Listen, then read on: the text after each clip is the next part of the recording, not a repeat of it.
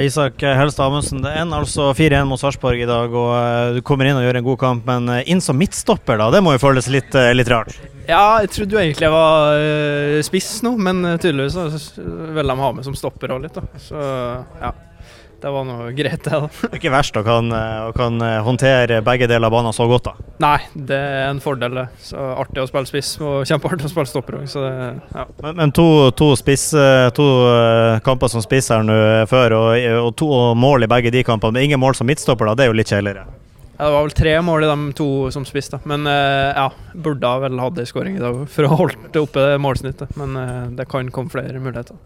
Allikevel, du kommer inn og, og, spiller vel egentlig som at du skal spille fast hele den sesongen. Hvor, uh, hvor deilig var det å komme inn og, og kjenne på det, da, at det, det flyter sånn.